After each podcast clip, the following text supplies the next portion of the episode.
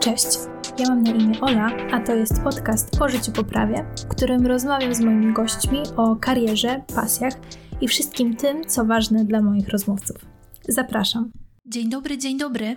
Wiem, że spodziewaliście się już początku rozmowy, ale zanim zaczniemy, muszę Wam podziękować za tak ciepły odbiór początku mojej e, podcastowej przygody. Byłam zaskoczona i jestem do teraz absolutnie szczerze wzruszona liczbą pięknych i kibicujących wiadomości. Nie zdawałam sobie sprawy, ile tak dobre słowa mogą sprawić frajdę. Dziękuję. Wiem też, że długo musieliście czekać na ten nowy odcinek. To nie jest zdecydowanie podcast dla ludzi niecierpliwych, ale mam nadzieję, że teraz już przyspieszymy, bo w planach mam fantastyczne rozmowy, yy, na przykład o stażu w Parlamencie Europejskim, czy zupełnej zmianie branży pomimo świetnie zapowiadającej się kariery w prawniczym korpo. Tymczasem dzisiaj e, zapraszam Was do wysłuchania rozmowy na temat aplikacji radcowskiej. Dzisiaj rozmawiam z Katarzyną Kozyrą, radczynią prawną, ekspertką w zakresie prawa własności intelektualnej i przemysłowej oraz w kwestiach związanych z nieuczciwą konkurencją i greenwashingiem. Będziemy rozmawiać o aplikacji radcowskiej, ale myślę, że zagadnienia, które będziemy poruszać, będą uniwersalne i przydatne zarówno dla aplikantów radcowskich, jak i adwokackich. A Kasia jest najlepszym źródłem wiedzy, bo jest świeżo po zdanym egzaminie zawodowym. Y, raczej powinnam powiedzieć, że jest świeżo po ślubowaniu i zdanym egzaminie zawodowym, więc najlepiej nam opowie o tych trzech latach przygotowywania się do zawodu. Ten odcinek szczególnie polecam aktualnym i przyszłym aplikantom, bo znajdziecie w nim wiele odpowiedzi na swoje pytania. Wiem, bo część tych pytań jest od Was z Instagrama, ale od początku. Cześć Kasia i gratulacje pani mecenas. Cześć Ola, dziękuję bardzo i dziękuję za zaproszenie mnie do tego odcinka podcastu. Bardzo się cieszę, że zgodziłaś się e, zostać e, moim drugim gościem i opowiedzieć o wszystkich tajnikach i smaczkach aplikacji, no w Twoim przypadku aplikacji radcowskiej. Ale zanim jeszcze o aplikacji i o egzaminach i o wszystkich innych wielkich rzeczach, to ja mam tutaj e, drugi raz będę podtrzymywać tradycję, w sensie pierwszy raz podtrzymywać, a drugi raz to wykonywać, czyli pytanie, które losujesz sobie w ogóle niezwiązane z niczym Jasne, prawniczym. trochę się stresuję. Co tam wylosuję? To dlatego te karty mają dwie strony, żebyś mogła sobie wybrać. Okej, okay, to ja może wybiorę. W którym z miast chciałabyś spędzić resztę życia? Lizbona, Nowy Jork, Rio de Janeiro. Powiem Ci, że zdecydowanie Lizbona, z tego względu, że jest ona najbliżej mojej rodziny z tych wszystkich trzech miast. Aha, I najszybciej okay. mogę dolecieć w razie czego do Kielc, bo jestem Kielczanką. Pozdrawiam Kielce. Bardzo fajnie. Mamy to w takim razie. I możemy przechodzić już do tematu, po który tutaj y, wszyscy dzisiaj przyszli. Zacznę od takiego pytania, które mnie najbardziej interesuje, bo mnie zawsze interesują emocje. Jak to jest założyć togę po raz pierwszy? Jeszcze nie miałam okazji pójść na salę sądową, więc jeszcze nie miałam tego doświadczenia założenia togi e, przed sądem, ale muszę przyznać, że jest to bardzo fajne uczucie, aczkolwiek większe wrażenie na mnie zrobiło podpisanie się pierwszy raz w mailu jako radczyni prawnej użycie tego tytułu. Czyli jednak używanie tytułu, a nie, nie toga, nie ten taki zewnętrzny. Jednak tak. Dobrze, to y, ja chciałam tutaj nadać jakąś strukturę tej naszej rozmowie mhm. i ona będzie miała dwie części. Pierwsza będzie dotyczyła wspomnień z aplikacji, wszelkich y, porad, y, trików i innych takich rzeczy. I ja pomimo tego, że y, trochę coś tam wiem o aplikacji, bo jednak mam do czynienia na co dzień z aplikantami, to po pierwsze, a po drugie, na jakimś tam etapie życia się do, do, dowiadywałam tego po prostu, ale będę udawała, że nic nie wiem. I będę też korzystała z pytań osób, które zadały mi je na Instagramie, Właśnie w tym miejscu też zapraszam na Instagram Życie Poprawia. E, tam od czasu do czasu, poza tym, że pojawia się informacja na temat nowych odcinków, to, to będą też jakieś takie ciekawostki i można przede wszystkim zobaczyć gości. Więc myślę, że to jest coś, coś ciekawego. Dobrze, więc pierwsza część to będzie, będą pytania o aplikację, tak typowo, a druga część, jako że Kasia właśnie jest świeżo po egzaminie, no już kilka miesięcy, e, to będziemy rozmawiać właśnie o egzaminie i o tym, jak się do tego egzaminu przygotować, bo to ludzi w moim roczniku, czyli moich znajomych też, y, bardzo, bardzo interesuje. Czy trudno jest się dostać na aplikację w ogóle? Myślę, że całkiem trudno. Wydaje mi się, że zdawalność jest mniej więcej pół na pół. Przynajmniej tak było za moich czasów. Teraz szczerze mówiąc nie, nie, nie znam statystyk. Ale no tak, trzeba poświęcić trochę czasu, żeby przerobić tą ilość tych testów. Okej, okay, czyli jak rozumiem, y, to jest tak, że egzamin wstępny na aplikację to są testy. Tak, dokładnie. A, B, C, D chyba już nie pamiętam dokładnie. Okej, okay, to jest 100 pytań, czy, y, czy 150 trzeba mieć 100, żeby zdać poprawne odpowiedzi. I to y, taką samą y, liczbę punktów trzeba uzyskać na aplikacji radcowskiej i adwokackiej? Tak. I to jest ten sam test. Mamy jeden ten sam test. Czyli wszyscy razem przychodzą na salę, nieważne na jaką aplikację startują, jeśli chodzi o te dwie, czyli adwokacką i radcowską. Mamy w osobnych, przynajmniej jak ja miałam egzamin, to mieliśmy w osobnych budynkach, ale mieliśmy w tym samym czasie, o tej samej godzinie i ten sam test. To jeszcze korzystając z tego, że mamy tutaj byłą już e, aplikantkę radcowską, więc z perspek- tej perspektywy poproszę Cię o ocenę, czy albo ile jest prawdy w tym, że warszawska aplikacja radcowska jest trudniejsza niż adwokacka nie mam porównania, ponieważ tylko byłam na radcowskiej, aczkolwiek wydaje mi się, szczerze mówiąc, że jest troszkę trudniejsza, choćby pod tym względem, że mamy po prostu więcej egzaminów, więc jest dużo więcej nauki pod tym kątem. E, no i niestety muszę zasmucić przyszłych aplikantów radcowskich. Mamy tylko dwa tygodnie wakacji. Kto nie ma dwóch miesięcy wakacji i ferii i w ogóle tych wszystkich. Niestety nie. Aplikacja kończy się około grudnia. Nowy rok rozpoczyna się od stycznia, od początku stycznia, no i mamy tylko dwa tygodnie w ciągu wakacji, to jest jedyne wolne. Okej, okay. a właśnie, bo to też jest ciekawostka, że aplikacja nie zaczyna się jak, jak rok szkolny albo akademicki, tylko od stycznia. Od stycznia, tak? tak, zawsze od stycznia się. Mniej więcej po święcie Trzech Króli. Super, to jak jesteśmy przy tej organizacji w ogóle aplikacji, już porównujemy ją trochę do studiów. Ja myślę, że to będzie dobre odniesienie, no bo jednak przyszli aplikanci albo, no aktualnie, no to już wiedzą, jak to jest zorganizowane, ale przyszli aplikanci mają takie odniesienie do studiów, więc y, jak to wygląda? Jak, oprócz tego, że zaczyna się w styczniu, to są normalnie zajęcia? Jak dużo jest tych zajęć? E, na Radcowskiej akurat jest tak fajnie, że mamy zawsze zajęcia w, jeden, w jednym dniu tygodnia. Czyli na przykład ja miałam zawsze przez 3 lata w piątki od y, 8.30 do 13, czasami 15 mniej więcej. Więc to jest też fajnie, że można sobie zagospodarować czas, bo zawsze wiem, że w tym dniu tygodnia mamy zajęcia i to się nie zmienia. Czyli ma, zajęcia są raz w tygodniu, a tak. egzaminy? Jest sesja normalnie, czy jak to wygląda z egzaminami? Nie, egzaminy są mniej więcej, nie ma takiej typowej sesji egzaminacyjnej. Akurat na przykład na trzecim roku są dwa egzaminy, to, to jeden egzamin miałam we wrześniu, drugi miałam w październiku. Więc tak mniej więcej w drugiej połowie roku powiedzmy jeden egzamin na miesiąc. Słuchajcie, mamy wrzesień i możemy zachowywać się dziwnie, gdyż lata nam tu jakaś natrętna mucha, której nie możemy wygonić. Z, jakie są przedmioty na aplikacji i z czego są te egzaminy i jak one wyglądają? Może te trzy pytania jedną odpowiedź. Okej. Okay. E, więc na pierwszym roku jest prawo cywilne i prawo pracy. I tutaj e, mieliśmy na przykład umowę do sporządzenia umowy, to był jeden egzamin, drugi egzamin to była e, apelacja, trzeci egzamin to był ustny z prawa pracy. E, drugi rok to jest karne i gospodarcze. I tutaj również była umowa z gospodarczego i apelacja z karnego i też ustny z gospodarczego. A na trzecim roku było prawo administracyjne i etyka. Tylko tutaj od razu muszę zaznaczyć, że teraz system się trochę zmienił. Ja na przykład za moich czasów było tak, że egzaminy, na przykład apelacje, pisaliśmy przez 3 godziny. Dostawaliśmy po prostu takie przykładowe akta i musieliśmy na podstawie ich sporządzić apelację. Nie mieliśmy dostępu do niczego. W sensie do żadnych komentarzy, do żadnego orzecznictwa. Teraz aplikanci mają mają egzaminy w takiej formie, w jakiej jest egzamin zawodowy, czyli mają 6 godzin i mają dostęp do komentarzy. To uważam, że jest trochę lepsze, no bo jednak lepiej przygotowuje, wydaje mi się, że lepiej przygotowuje do egzaminu zawodowego. Bo na egzaminie zawodowym pewnie będziemy do tego wracać w drugiej części roz rozmowy, ale na egzaminie zawodowym jest tak, że też się pisze takie pisma procesowe.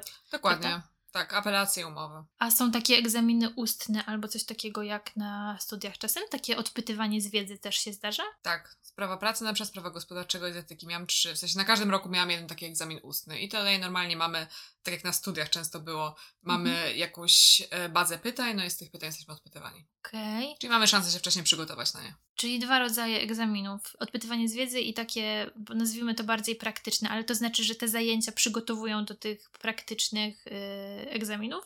Tak, tutaj e, aplikacja jest bardzo dobrze zorganizowana, ponieważ jest część zajęć, to są takie typowe wykłady uniwersyteckie, a część zajęć to są tak zwane ćwiczenia, gdzie ćwiczymy też te pisma i też w ciągu roku mamy szansę robić prace domowe i na przykład sporządzać apelacje i potem radcowie prawni sprawdzają nam te apelacje, no i wystawiają nam oceny, piszą komentarze, dlatego naprawdę polecam robić prace domowe. A to znaczy, jeśli polecasz, to znaczy, że one nie są obowiązkowe? Nie są obowiązkowe, ale dają, mają swoje benefity. Na przykład na trzecim roku, ja tak miałam, że na trzecim roku, jak zrobiłam sześć prac domowych, to mogłam wyjechać na darmowy wyjazd integracyjny-szkoleniowy, a jak miałam cztery prace domowe zdane, to mogłam wziąć udział w kursie przygotowawczym do egzaminu, który był bardzo przydatny. Czyli jednym słowem albo dwoma opłaca się. Opłaca się. A co się dzieje w przypadku, kiedy się takiego egzaminu nie zda? Czy to jest jakaś poprawka, warunkowe zaliczenie roku? Jak, jak to wygląda, jak się nie powiedzie jednak? No powiedzmy, ktoś zaimprezuje i no, nie zda egzaminu. Jest jeden termin poprawkowy, ale jeżeli chodzi o warunek tak zwany, to niestety go nie ma. Jeżeli nie zaliczymy poprawki, to musimy poprawiać rok. Nie możemy tego awansem zrobić. I wtedy, gdyby ten, za ten rok się cały płaci jeszcze raz, bo aplikacja jest płatna. Tak. Nie, proporcjonalnie do tego, jak dużo było zajęć z danego przedmiotu. Czyli na przykład, jeżeli na, na powiedzmy trzecim roku było administracyjne i etyka i 80% zajęć było z administracyjnego i ktoś oblał administracyjne, no to potem musi 80% opłaty płacić. Tak mniej więcej wychodzi. Okej, okay, a jeżeli nie zdam na przykład y, na pierwszym roku jakiegoś przedmiotu, to mogę robić drugi rok i nadrobić sobie ten przedmiot? Nie, dopłacić? Nie. Nie ma takiej możliwości, trzeba od początku robić. Czyli ma się rok w plecy po prostu. Dokładnie.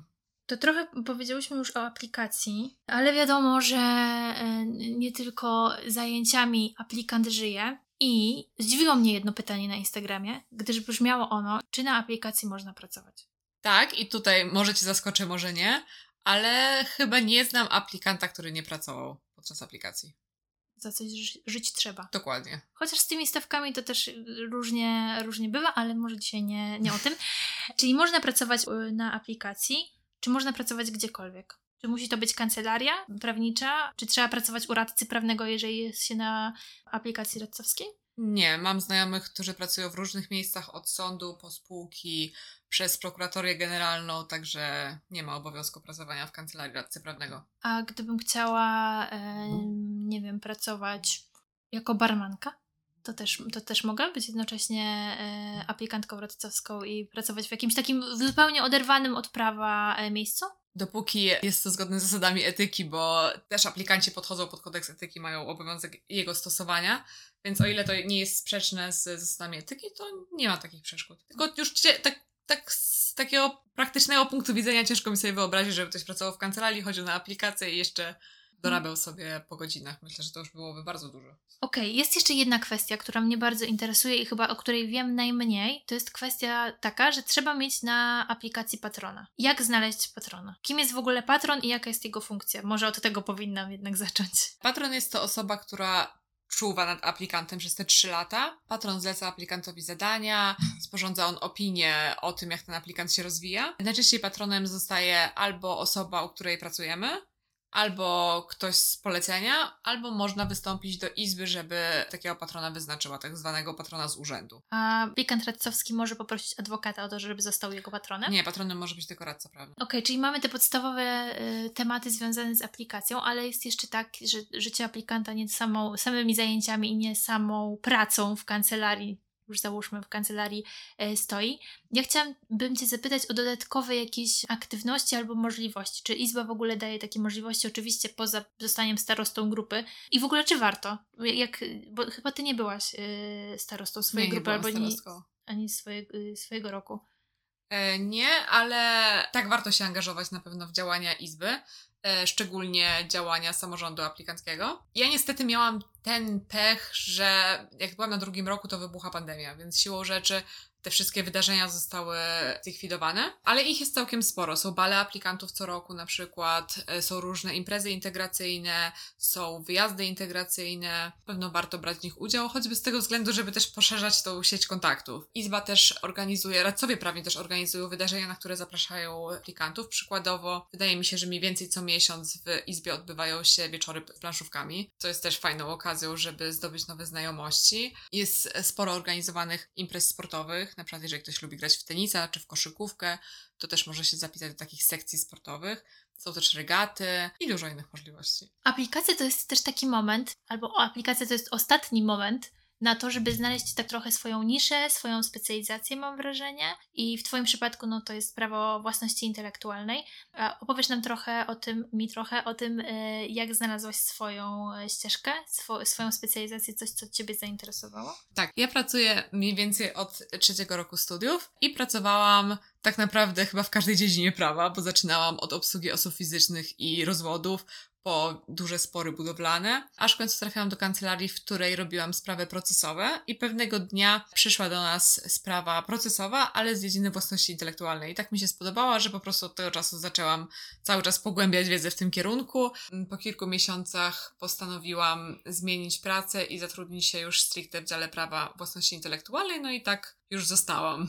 Ale to nie jest tak, że tobie wystarczyło tylko praca w tej dziedzinie, tylko wiem, że jeszcze robiłaś dodatkowe rzeczy, żeby pogłębić swoją wiedzę w tym temacie. Tak, studiowałam na szkole IP, Centrum Grosjusza. Podczas pandemii brałam udział też często w różnego rodzaju webinarach o tej tematyce i dużo jednak poświęciłam swojego prywatnego czasu na, na specjalizację w tej dziedzinie. Ale już byłaś na aplikacji, prawda? Byłam już na aplikacji, tak. I nie miałaś przez czas studiów takiego poczucia, że kurczę, y, no tutaj mi się usuwa grunt pod nogami, bo nie mam tej swojej specjalizacji? Czy miałaś raczej takie podejście, że okej, okay, dobra, to jest właśnie czas na poszukiwanie, spróbuję różnych rzeczy, jak to wygląda w praktyce i zobaczymy, co mi się spodoba? Wiesz co, tutaj wydaje mi się, że jest duża zasługa moich starszych znajomych, którzy zawsze mi powtarzali, że na aplikacji, że aplikacja to jest ten czas, podczas którego szuka się tej specjalizacji i znajduje się najczęściej i tak też z takim nastawieniem poszłam na aplikację, no i faktycznie dosyć szybko znalazłam tu swoją dziedzinę prawa, bo to było na pierwszym roku aplikacji, więc nie, podczas studiów nie czułam takiej presji, że już muszę wiedzieć, czym się mam zajmować.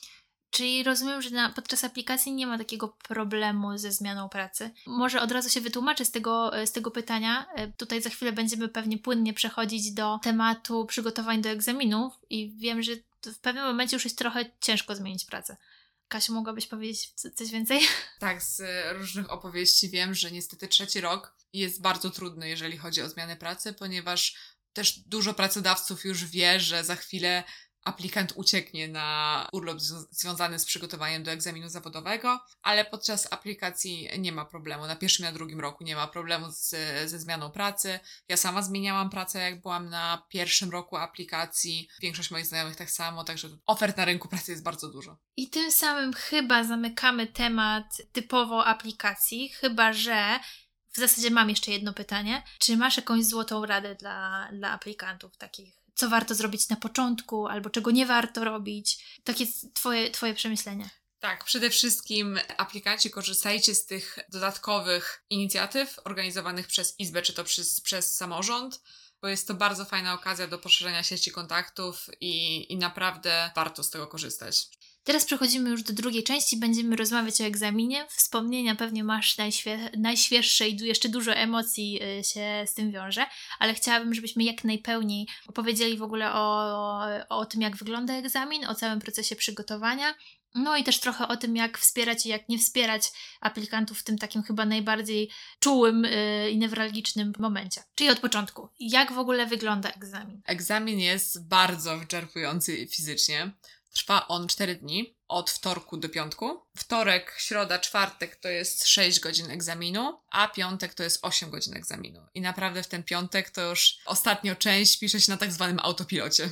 A z, z jakich części w ogóle się składa, składa egzamin? To jest jakoś dziedzinami prawa? Czy w tak, sposób? dokładnie. Pierwszy dzień to jest prawo karne i tutaj jest do napisania najczęściej apelacja, potem jest prawo cywilne, jest to również najczęściej apelacja, bo zawsze może być też opinia prawna, ale one się mhm. rzadko zdarzają. Potem jest gospodarcze i umowa i tutaj jest, jeżeli chodzi o egzamin radcowski, taki haczyk, że rzadko jest wskazane w poleceniu, jaką mamy umowę sporządzić, więc to też jest bardzo duży stres i przez, naprawdę przez połowę egzaminu zastanawiacie się, czy na pewno dobrą umowę piszę. A ostatniego dnia to są dwa egzaminy. Pierwsza część to jest egzamin z prawa administracyjnego, a potem jest opinia z etyki. I dostajesz te takie dwa kazusy od początku i trzeba sobie wybrać, który Dokładnie. zaczyna się Tak, pierwszy? i to też jest bardzo stresujące, ponieważ ty sobie jakby sama musisz wybrać, który, od którego egzaminu zaczniesz i ile poświęcisz czasu na ten egzamin.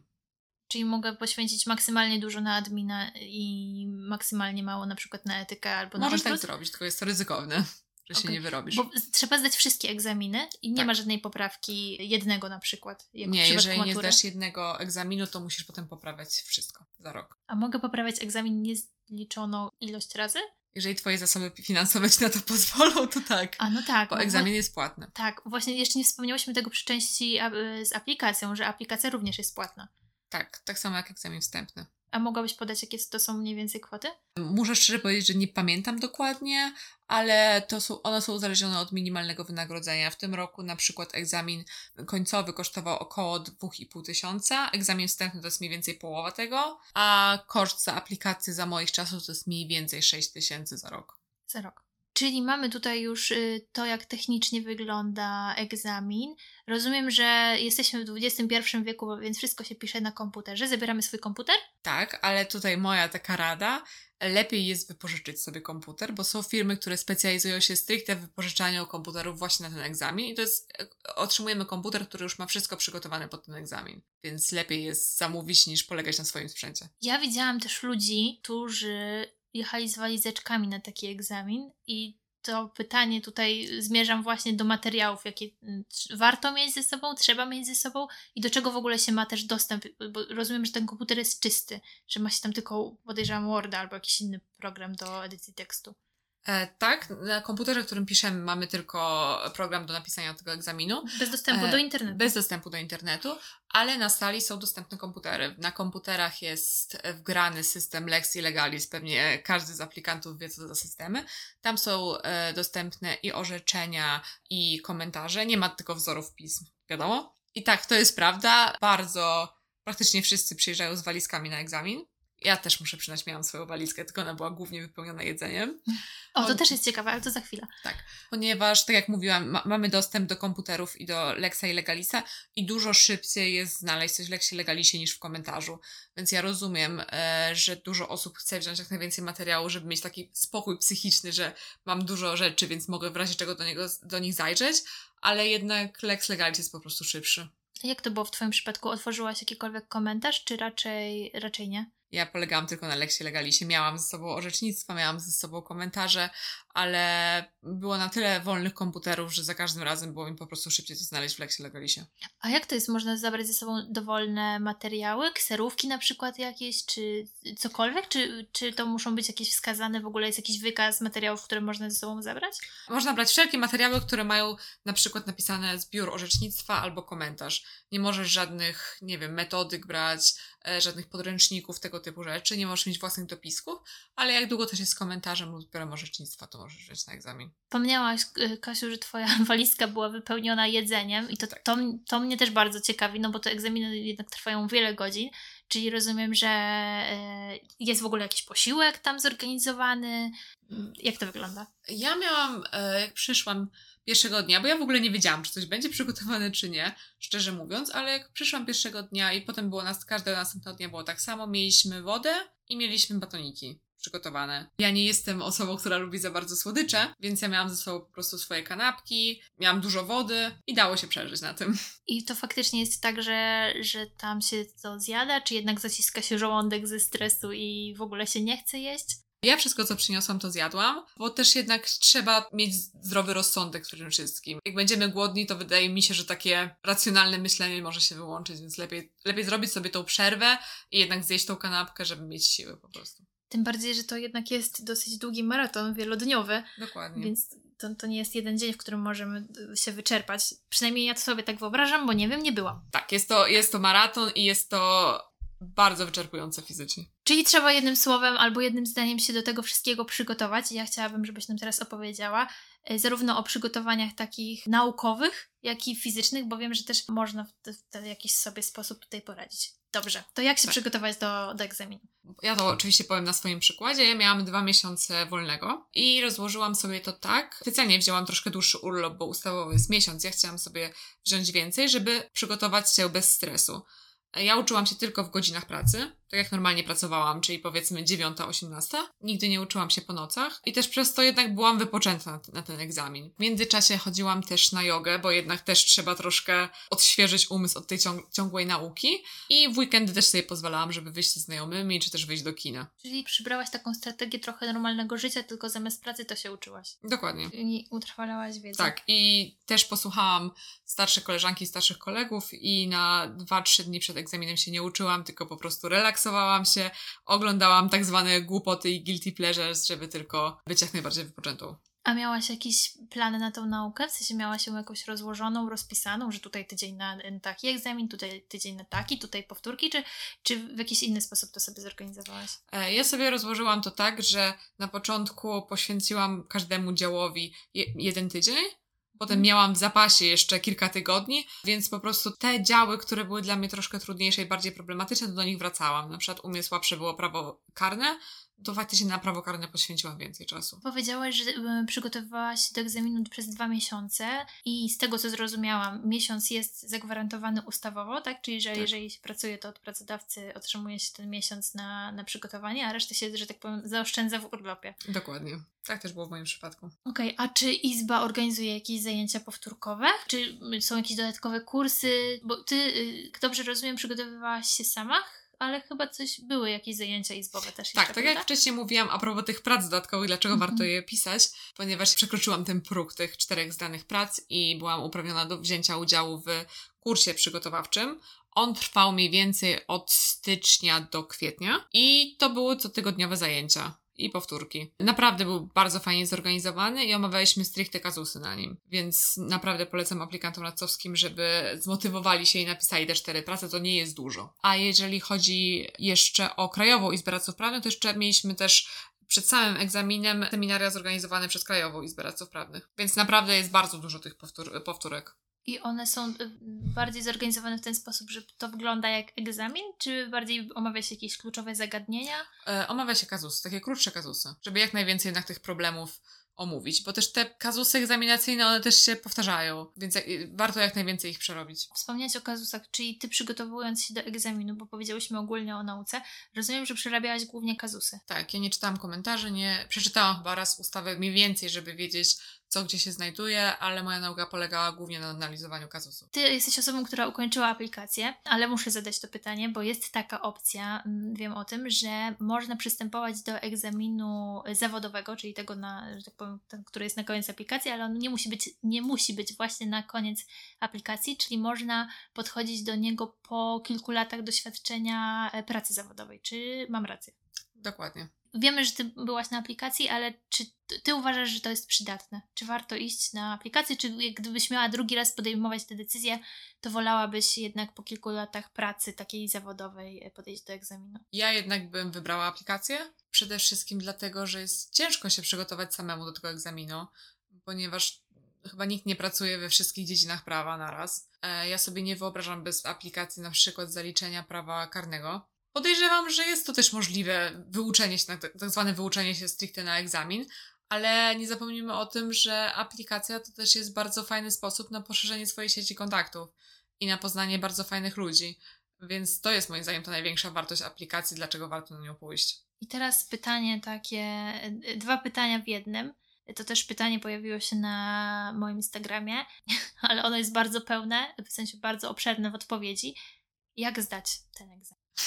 To jest bardzo trudne pytanie, Ola. Zdaję e, sobie z tego sprawę. Jak zdać? Przede wszystkim wyspać się, bo tutaj jeżeli chodzi, e, tak jak już powtarzałam kilkukrotnie, to jest bardzo duży wysiłek fizyczny, więc trzeba naprawdę nagromadzić te, tej energii, żeby dać radę. Więc przede wszystkim wyspać się, przerobić jak najwięcej kazusów i nie wpadać w panikę, jak się dostanie kazus. Bo ja też miałam taką sytuację, że jak dostałam kazus, to nie miałam pojęcia, to było na e, prawie gospodarczym, nie miałam pojęcia, jaką umowę mam napisać, ale powiedziałam sobie, dobra, już tutaj jestem, muszę coś napisać. Więc kombinowałam, kombinowałam. W końcu po trzech godzinach wpadłam na to, jaka to jest umowa i ją napisałam, ale nie poddałam się i też to jest jakby kluczowa rada, nie poddawać się. A co było najtrudniejsze w, w tym całym okresie? Okres nauki, czy może ten czas egzaminów, czy może, trochę tutaj wiem już na ten temat, czy może oczekiwanie na wyniki? I kiedy są wyniki w ogóle? Na wyniki trzeba czekać mniej więcej miesiąc i tutaj każda komisja podczas egzaminu, ona mówi, kiedy będą wyniki opublikowane, więc wszyscy wiedzą, kiedy dokładnie są te wyniki, więc jeżeli aplikant nie chce Wam powiedzieć, kiedy ma wyniki, to znaczy, to znaczy, że po prostu nie chce, żebyście go stresowali. Co było ten... najtrudniejsze? Który okres? Najtrudniejszy był jednak okres, ten ostatni tydzień oczekiwania na wyniki, kiedy wszyscy mówią Ci dookoła, nie martw się, na pewno pewno zdasz, to jest tylko formalność, a ty tak w sumie nie wiesz tego, czy zdasz, bo, bo to było jednak stresujące i było jednak, i to jest jednak bardzo trudny egzamin i jednak ten moment jest najtrudniejszy. No i tutaj płynnie przechodzimy do pytania, które bardzo też Ci chciałam zadać, bo to też było trudne dla mnie, gdzieś tam powiedzmy w jakimś stopniu, chociaż małym towarzyszenie Ci w tej, tej drodze. Jak wspierać aplikantów podczas tego najbardziej stresującego okresu, czyli no powiedzmy od początku e, nauki do, do egzaminu, do, do wyników? Przede wszystkim być wyrozumiałym, że w tym okresie jednak aplikanci nie mają za dużo czasu wolnego, jednak ka każdą wolną, nawet jeżeli mamy ten czas wolny, to jednak każdy chce ją poświęcić na naukę i też być wyrozumiałym, jak czekamy na wyniki, bo to jest bardzo stresujący czas, bo to jednak jest takie zwieńczenie tych 8 lat nauki i każdy chce to oddać, każdy się tym bardzo stresuje, więc tak, być wyrozumiałym. To jest, to jest kluczowe słowo. I przymykać oko na to, że ktoś jest zestresowany i na przykład nie wiem, jest niemiły albo cokolwiek innego. Tak, to jest stres związany z egzaminem. Nie chcemy być niemili. Pytałam Cię już tak mimochodem o złote rady. Zapytałam Cię o to, jak wygląda aplikacja. Zapytałam Cię o to, jak wspierać aplikantów, więc y, wydaje mi się, że mamy to.